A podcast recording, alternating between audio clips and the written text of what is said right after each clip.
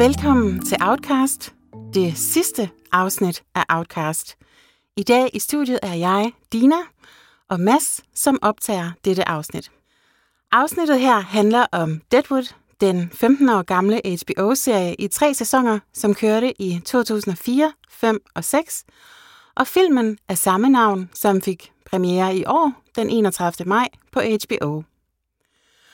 Og hvis man endnu ikke har nået at se serien og filmen, så vær advaret. Der afsløres både plot twists og karakterudviklinger de næste tre kvarters tid. Både serie og film kan ses på HBO Nordic. David Milch har skabt denne serie. Han har skrevet det meste af serien og var producer på samtlige afsnit. Serien blev i alle tre år, den kørte, nomineret til et hav af priser i flere kategorier og vandt mange af dem. Golden Globes, Primetime Emmy Awards, Screen Actor Guild Awards, Art Director Guild, Astra Awards, for at nævne nogle af priserne. Filmen er skrevet af David Milch, og den er instrueret af Daniel Minahan, som instruerede fire afsnit af serien. Filmen er indtil videre nomineret til en TCA Award i kategorien Outstanding Achievement in Movies, Miniseries and Specials. Der er lidt blandede modtagelser blandt fans, men det er også virkelig svært at leve op til den priste tv-serie.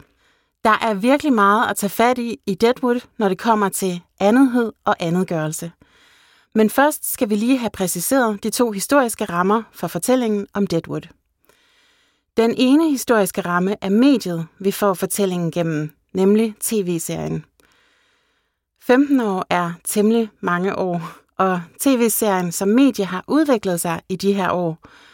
Måske i virkeligheden ikke så meget som i årene op til 2004. Der er lidt uenighed om det, som kaldes tv-seriernes guldalder. Francis Ford Coppola mener, at den første guldalder for tv-serierne var i 1970'erne, og den franske mediehistoriker Alexis Pichard lægger sig op af den teori og mener, at den anden guldalder for tv-serier startede i nullerne. Men langt de fleste taler om, at guldalderen først begyndte med nullerne, eller 1999, hvis man vil have første sæson af The Sopranos med.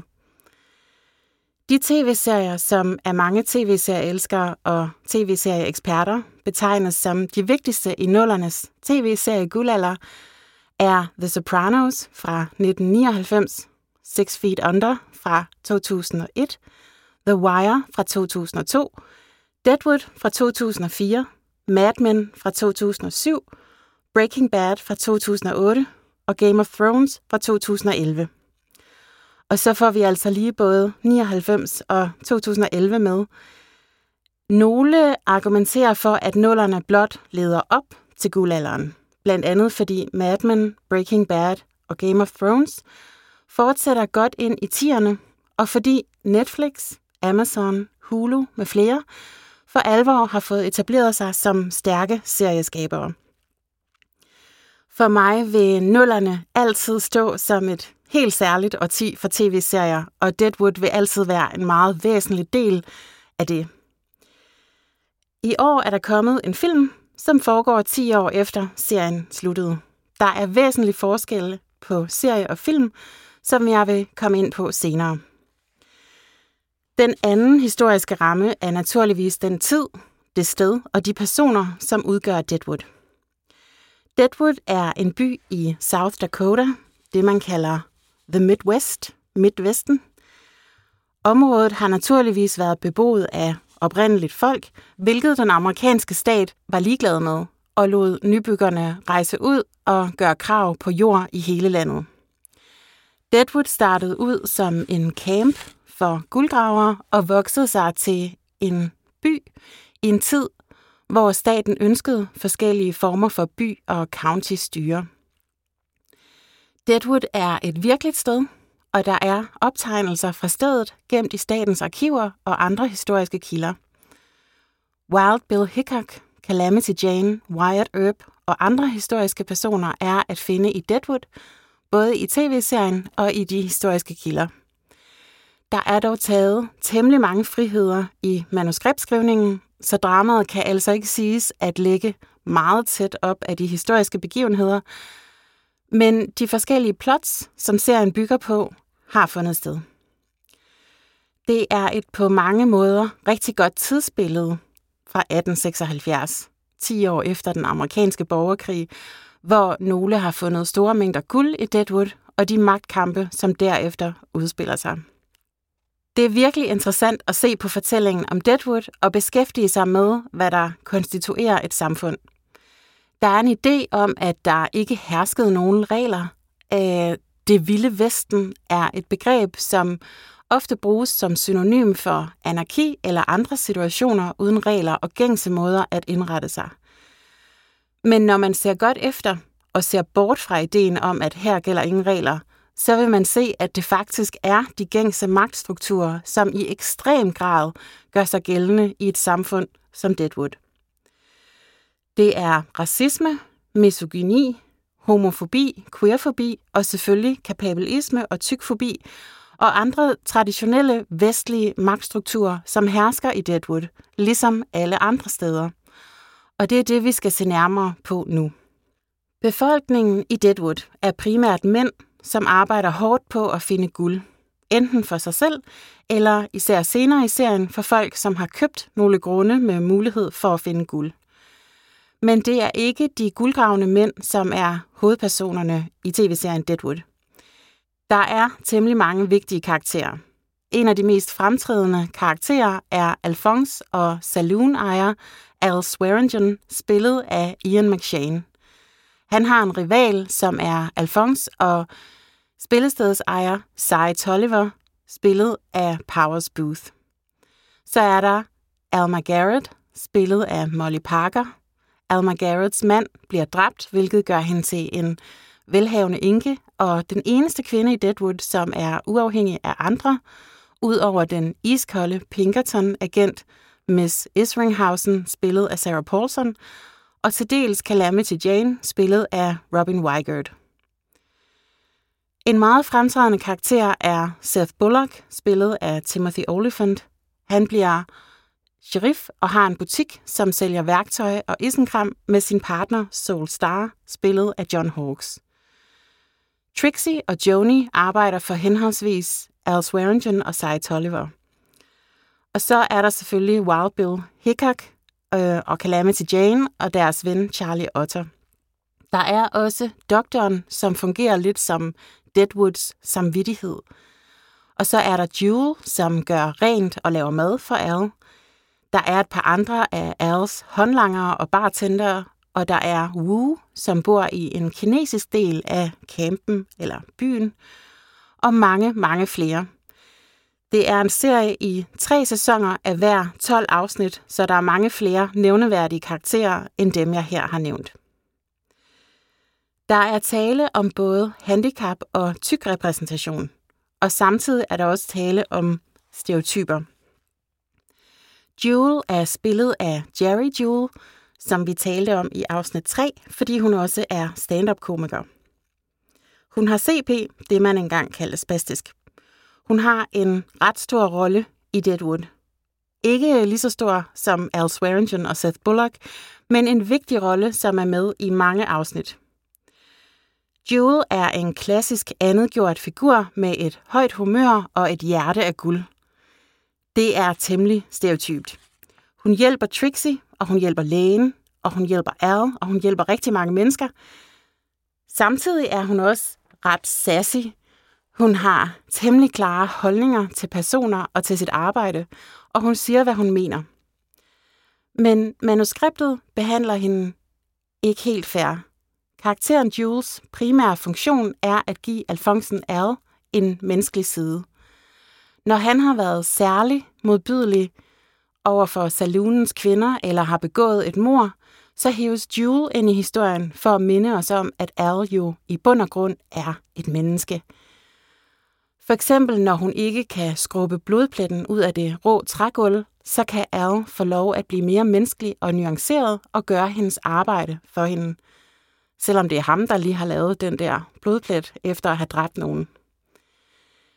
Jewel kan også få lov at tjene som comic relief i en scene, hvor hun giver et smykke tilbage til Trixie, som egentlig skulle have været brugt som betaling for noget andet. Og Trixie spørger, hvordan Jewel havde råd til at købe det, når hun ikke solgte smykket. I sold a piece of pussy, svarer Jewel. Og joken er, at det gjorde hun selvfølgelig ikke. Eller hvis hun gjorde, så er det helt vildt overraskende, at hun kunne slippe afsted med det. Men udover at have disse funktioner, som gør hende til en stereotyp, er hun også repræsentation. Hun er den, der ser ud til at komme tættest på doktoren i en scene med en dans, hvor han for første og eneste gang eksisterer som andet end doktoren. Og det er ikke det samme som at menneskeliggøre ham, fordi hans karakter i forvejen fungerer som Deadwoods samvittighed, og dermed er absolut menneskelig hele vejen igennem. Det er nok også fordi Jerry Jewell er så charmerende som skuespiller, at Jewel i Deadwood bliver så klar og vigtig en karakter, som desværre har en meget lille rolle i filmen. Tykke karakterer er der flere af. Min favorit spilles af Jeffrey Jones. Det er journalisten Mr. Merrick, som med begejstring skriver, trykker og fotograferer til Deadwoods lille lokalavis. Hans begejstring er charmerende, men også stereotypificerende. Han er lidt ligesom Jewel, en der kan hives ind i fortællingen for at sige lidt mere om andre karakterer. De andre karakterer, som passer godt på ham, trods hans tykkhed og kiksethed, hans nørdede uncool faktor. Det giver dem en menneskelig side. Han har samtidig en meget funktion med at dokumentere Deadwood i en lidt meta position i serien. Han lader til at være bevidst om, at han som tyk er mindre værd end andre mænd, og han kræver sjældent noget af nogen. Han får også en unfair behandling af manuskriptet, da han går til lægen, fordi han er bange for, at han har fået kopper, fordi han har smerter i lænden. Så får han skæld ud og besked på at tabe sig, før lægen gider beskæftige sig med hans ryg. Og han får også en lussing af den stressede læge. Det er comic relief midt i, at Deadwood er ramt af en koppeepidemi, så skal den tykke lige udskammes til stor moro for seerne. Og det er særligt barskt, fordi det er mange tykke menneskers oplevelse, at hvis de tør gå til lægen, så bliver deres symptomer afvist med, at de bare skal tabe sig, uden nogen egentlig undersøgelse, og derudover får de lige en masse skæld ud og udskamning. Så det er ret voldsomt, at den del af mange menneskers virkelighed bare er en joke i en tv-serie. En anden gang, hvor Mr. Merrick får en lussing, er efter et indbrud, hvor alle hans arbejdsredskaber er blevet endevendt, ødelagt, og der er lort i hjørnerne. Han er ked af det, men Al sætter ham lige på plads med en lussing. En anden tyk karakter, som får en barsk behandling, er Moe. Han er meget tyk, og han fremstilles som absolut monstrøs. Han er brodermorder og grådig både med mad, guld og penge. Han har som en af de få i dette vilde vesten brune tænder. De slanke hovedroller har fine, smukke Hollywood-tænder. Han filmes nedefra, mens han spiser, og han fremstilles på alle måder som noget, vi skal tage afstand fra.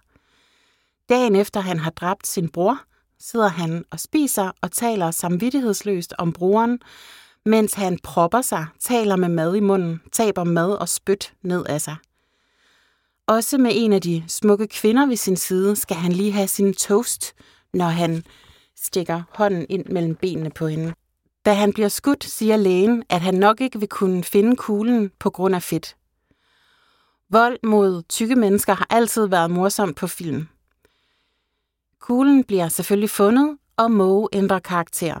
Han bliver en god, næsten usynlig tyksak, som ikke laver andet end at passe på Joni, som er flyttet fra Seje og har fået sit eget etablissement, kaldet Shizami. Lige siden vi besluttede, at Outcast skulle have et Deadwood-afsnit for et halvt år siden, har jeg tænkt over, hvordan jeg skulle tale om kvinderne i serien. Udover Calamity Jane, den rige Alma Garrett, Seth Bullocks kone, og den kølige øh, uh, Mrs. Isringhausen, og til allersidst en skuespiltrup, som kommer til byen, så er kvinderne i Deadwood nogen, som arbejder for Al eller Sai og senere Joni. Sexarbejdere er ikke det rette ord, vil jeg mene. Fælles for Als og sejes kvinder er nemlig lige præcis det, at de tilhører Al og seje. De to alfonser har købt kvinderne fra børnehjem, hvor de er blevet for gamle til at bo, eller af fattige familier. Kvinderne tilhører de to mænd. Der er simpelthen tale om trældom.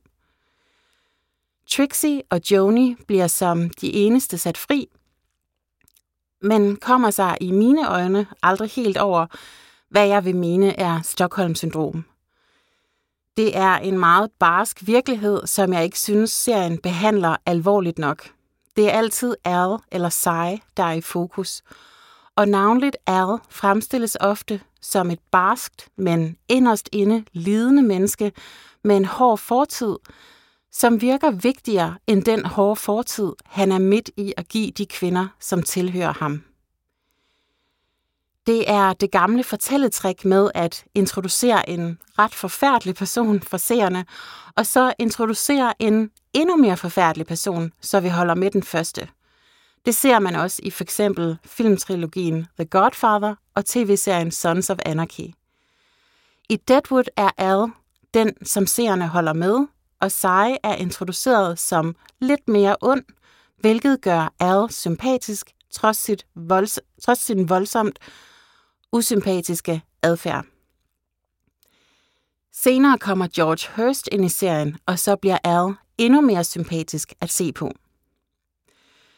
Efter Trixie er blevet sat fri af Al og flyttet over på den anden side af gaden til isenkammeren Soul Star, får Al en ny favorit, en ung kvinde, som er en lille smule tyk, og flere gange skal hun høre for det. Det skal både vise, at Al er barsk, men også tjene som en joke for seerne. Det svinger lidt, om der er tykke kvinder i Al og Sais forretninger.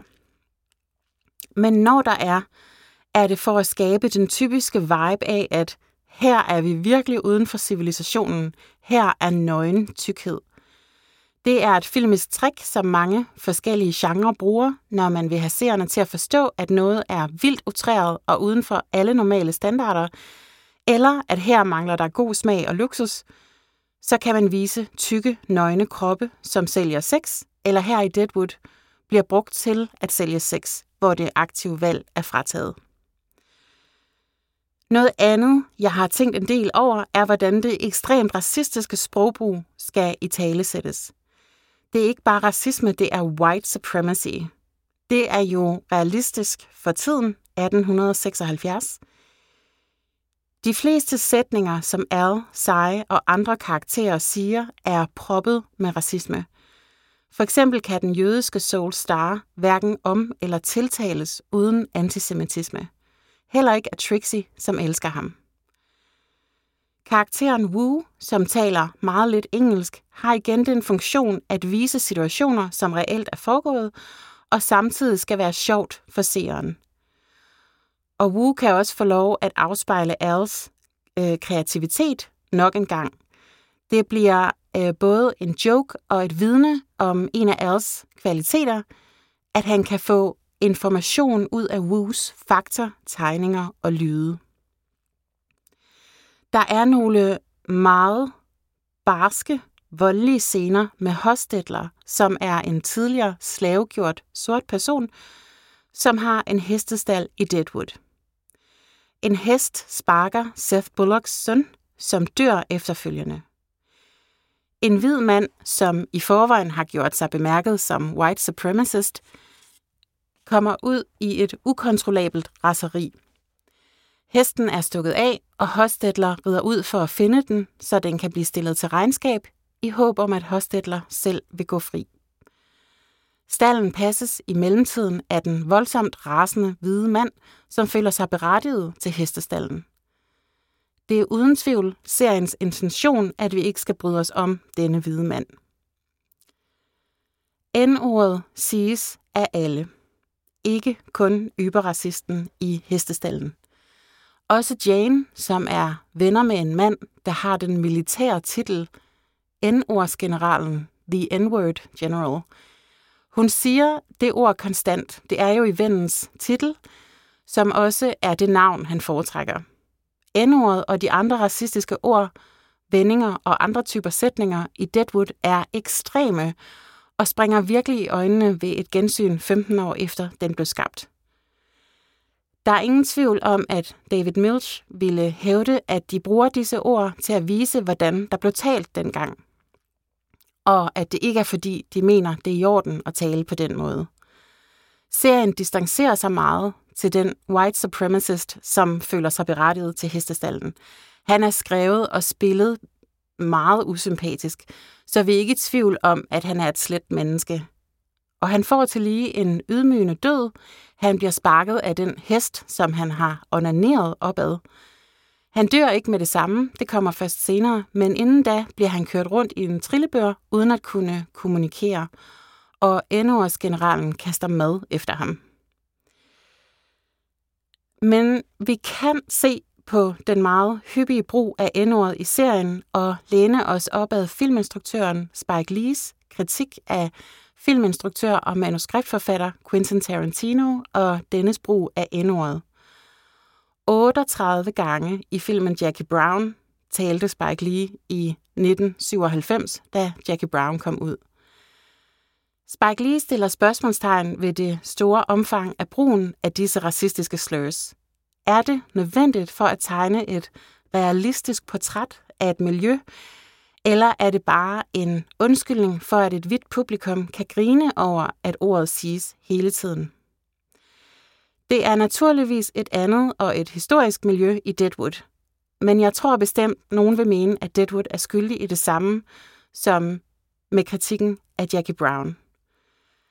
Det er realistisk for tiden og stedet at sige sådan, men vi har forstået det. Vi behøver ikke at høre det 38 gange, eller endnu flere gange, er jeg sikker på, det drejer sig om i Deadwood. Jeg ved ikke helt, om jeg kan udtale mig om det her, men det er bestemt heller ikke færdigdebatteret. Øh, det bliver dog nødt til at blive nævnt i den her gennemgang af Deadwood. Er det en undskyldning, at det er historisk korrekt? Er det en måde at udstille fortiden? Eller er det en reproduktion af racistiske strukturer? Er det overhovedet muligt at forholde sig kritisk til en struktur uden at reproducere? Nej, det er et indbygget paradoks, at man vil reproducere i et eller andet omfang, når man forholder sig også kritisk til en struktur.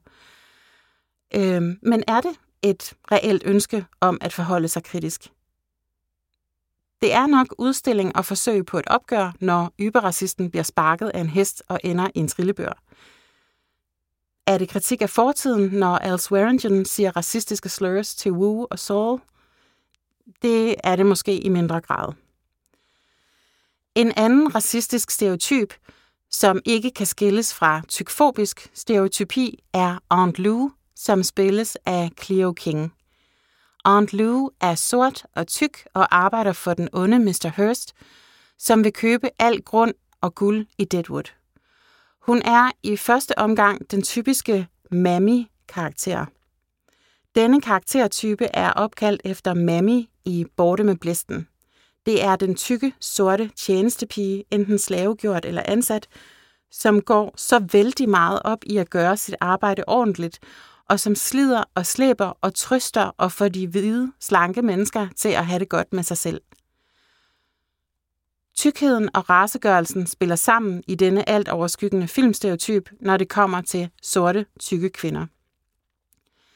Tykheden og racegørelsen placerer karakteren et sted, hvor hvide mennesker kan benytte sig af denne hushjælp eller slavegjorte person, som ikke behøver at blive anerkendt for sin menneskelighed. Når Aunt Lou introduceres i Deadwood, er det netop det, som gør sig gældende.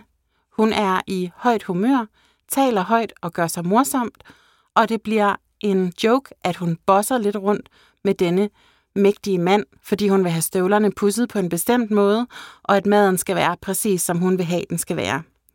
På overfladen er det skægt, at hun bestemmer. Men så gør serien noget genialt. Den viser, hvordan denne stereotyp er noget, hun er tvunget til at oprette. Den kommer ikke indefra. Vi ser hendes angst for Mr. Hurst, som hun arbejder for, og som kalder hende Aunt Lou, i stedet for at kalde hende for hendes navn, Lucretia. Vi ser, at hun ikke bare er tilfreds med at pusse støvler og lave mad, og tæppet rives væk under denne stereotype fremstilling af glad og tilfreds hushjælp, da Høst myrder hendes søn. Det er en ret grundig dekonstruktion af en meget hyppig, racistisk, misogyn, tykfobisk stereotyp på film og tv. Det forekommer tydeligvis ikke uden smerte, der er absolut tale om filmisk vold mod hende, men hun bliver et slags sandhedsvidne, en personificering af dekonstruktionen af denne stereotype karakter. To af mine all-time favoritkarakterer i Deadwood er E.B. Farnham og Richardson, spillet af henholdsvis William Sanderson og Ralph Richardson. Der er måske et mønster i, at karaktererne Richardson og Jewel begge har navne, der lyder ligesom skuespillernes efternavne, men ikke helt er det samme navn. E.B. Farnum er en nervøst anlagt hvid mand, som er lav, ikke har skønhedsprivilegier og ikke har fysisk øh, styrke eller mod. Han taler meget for sig selv og lader, som om han siger de mænd imod, som han ikke tør konfrontere i virkeligheden. Han ejer byens eneste hotel og får tilhusket sig titlen som borgmester, uden det har nogen egentlig funktion, da sheriffen og dem med penge og eller brutalitet bestemmer det hele. Han skifter fra sin lasede dragt til sit stiveste pus, når han skal fremstå borgmesterlig. Alle karaktererne taler virkelig grimt til ham, og han taler selv meget grimt til Richardson. Richardson er en ældre mand med udviklingshæmning, som arbejder i hotellets køkken. De to karakterer er mænd, som ikke har den fysiske voldelige side, som stort set alle andre i serien har. Richardsons hovedfunktion er at være nederst i hierarkiet, så Ibi har en at sparke på, hver gang han selv er blevet behandlet dårligt. Det giver Ibi et meget usympatisk træk, hvor han ellers ville have været udelukkende offer for den machokultur, han ikke er i stand til, men meget gerne vil være en del af. Ibi er en virkelig velskrevet og velspillet karakter. En karakter, som i westernfortællinger ofte ville fylde meget mindre. Det giver en interessant nuance i denne barske verden, hvor angst og smerte kan få lov at få forskellige udtryk. Man kan sige, at Richardson-karakteren med sin udviklingshæmning, ligesom flere af de andre andetgjorte karakterer, tjener formålet at vise noget i en anden og mere førstegjort karakter. Men det får en anden effekt, når det ikke får menneskeliggøre, men faktisk det modsatte at vise en usympatisk side af E.B. En anden af mine favoritter er Calamity Jane, spillet mesterligt af Robin Weigert. Hun er baseret på den historiske person, som rejste rundt med Wild Bill Hickok efter at have været i hæren. Jane er meget tæt knyttet til Wild Bill, som bliver skudt i første sæson, hvilket er helt historisk korrekt. Efter sine blev virkelighedens Jane gift med en mand, og de fik en datter. Men i serien og i filmen er det altså ikke tilfældet. I serien er hun genderqueer. Hun taler og klæder sig og skyder og drikker som de mænd, hun omgiver sig med. Og hun fortæller gerne om at blive forvekslet med en mand. E.B. Farnum prøver, når han taler for sig selv, at ramme hende med, at man ikke skulle tro, at hun er en kvinde. Hvilket hun nok ville have været ligeglad med, hvis hun var til stede, når han prøvede at komme verbalt igen over for sig selv.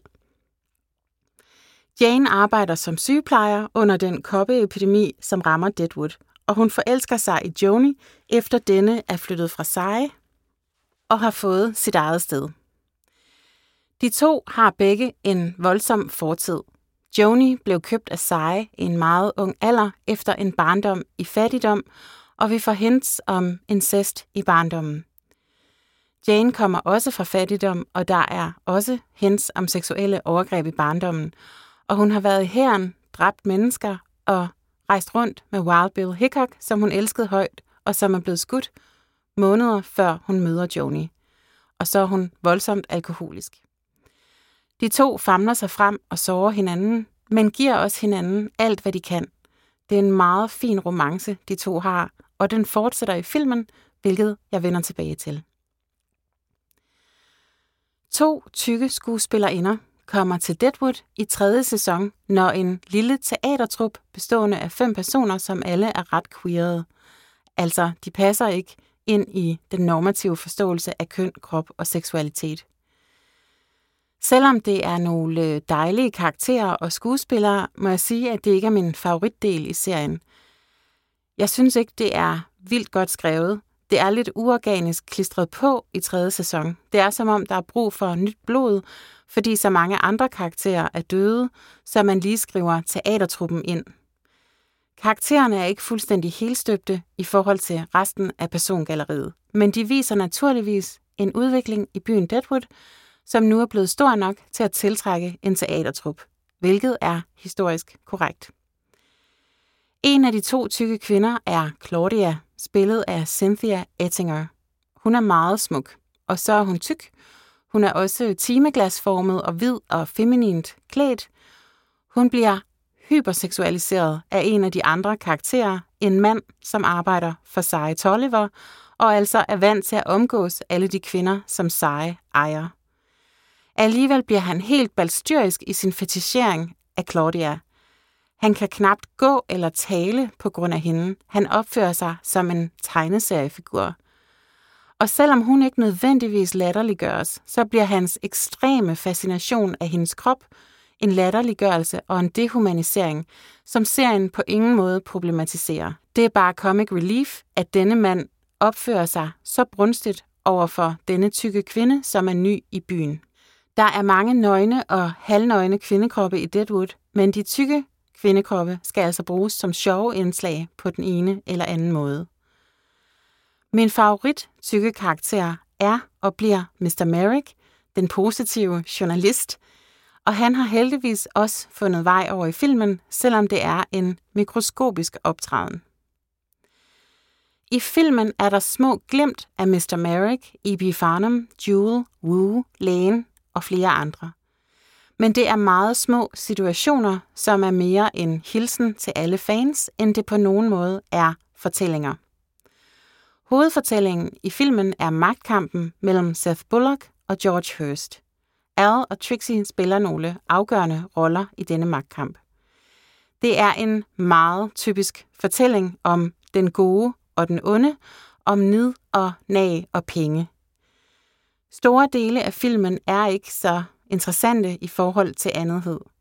Eller måske er det netop interessant at se på, hvorfor de andetgjorte karakterer er skåret ud eller nedtonet. generalen har en væsentlig rolle i filmen. Han bliver vidne til en forbrydelse og udsat for vold og morforsøg af dem, som begik den forbrydelse, han bevidnede. n siges kun i forbindelse med hans titel, og de racistiske ord over for Wu er skåret væk. Man har valgt at beholde de antisemitiske ord i Trixies dysfunktionelle kommunikation med sin mand Soul Star. Der har tydeligvis været en udvikling i, hvad man kan tillade sig at sige i tv og film, siden Deadwood blev skabt i 2004.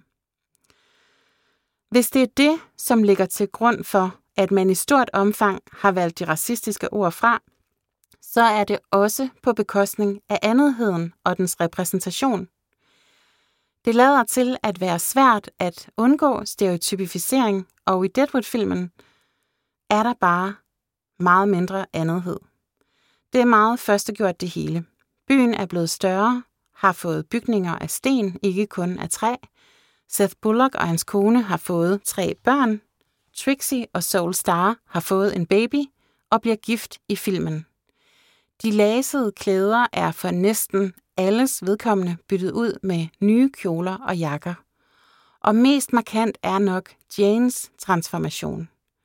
Fra at udtrykke noget, der kan tolkes som ikke indordnende under kønsnormerne, er hun blevet meget mere feminin. Hun har en lang flætning ned ad ryggen, en skjorte, en vest, et tørklæde og en nederdel, som skjorten er stoppet fint ned i. Hun ligner simpelthen Dr. Quinn, Medicine Woman, som på dansk hed Lille Doktor på prærien. Jane har været væk lidt tid, kan vi forstå, da den åbnende scene er Jane på vej ind i Deadwood på sin hest. Og selvom der lige er lidt såret skænderi i starten mellem Jane, der kommer og ser Joni sove i en seng sammen med flere af de kvinder, som arbejder for hende, så er de sammen i hvad der ligner et næsten homonormativt parforhold. Der lader ikke til at være nogen modstand mod de to smukke, feminine cis-kvinders relation. Det er så 2019-agtigt, som det kan blive med en lesbisk relation i 1887. Janes transformation kan være et valg, man har truffet, fordi Robin Weigert er cis-kvinde, og derfor ikke skulle spille en, som er noget andet. Jeg læser nedtoningen af al den andethed, som var med i tv-serien, som et ønske om hensyn efter alle disse år, som har budt på nye standarder inden for fiktion og repræsentation. Men jeg kan tage fejl, og det i virkeligheden handler om ligegyldighed over for andethed, hvor man har valgt at fokusere på de traditionelle hvide manderoller, en god og en ond, og ikke fundet andre karakterer interessante nok. Men det ville ikke forklare, at sproget er blevet næsten renset for racistiske ord, når nu både Wu og N-ordsgeneralen er med. I forhold til andethed og repræsentation er filmen mangelfuld i forhold til serien. I forhold til andethed og stereotypificering er filmen jo så ikke lige så skyldig som serien. Jeg tror, der har været et ønske om ikke at træde forkert, øh, men det bliver i stedet en ret tom fortælling om hvide mænd og deres magtkamp, som vi har set mange gange før på film. Jane kan stadig bande og sige nogle ting, som ikke sømmer sig for en kvinde i 1800-tallet. Men det siger lige så meget om vores egen tid, hvad der kommer med og ikke med i en fortælling om gamle dage. Selvfølgelig øh, er jeg glad for at se filmen, fordi der var så mange hilsner til fans undervejs. Øhm, men jeg vil mene, at den nok kunne have været trådt lidt anderledes i sit ønske om at rydde op i stereotyperne, end næsten bare at udelade andethederne helt. Men jeg kan godt forstå, at det kommer til at ske.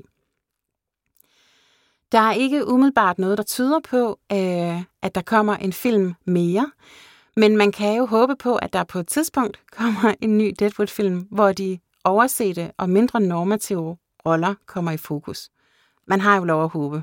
Og med dette lille håb vil jeg sige mange tak til alle jer, som har lyttet til Outcast.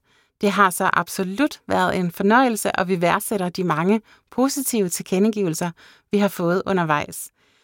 Vi håber, at I har lyst til at kaste nogle stjerner og hjerter og hvad der ellers er af ratingsystemer derude i iTunes og på Facebook osv. efter vores podcast. Mange tak for nu, ikke mindst til Mads Johannes Nielsen, som har optaget dette afsnit af podcasten Outcast med Sara Gleop og Dina Amlund.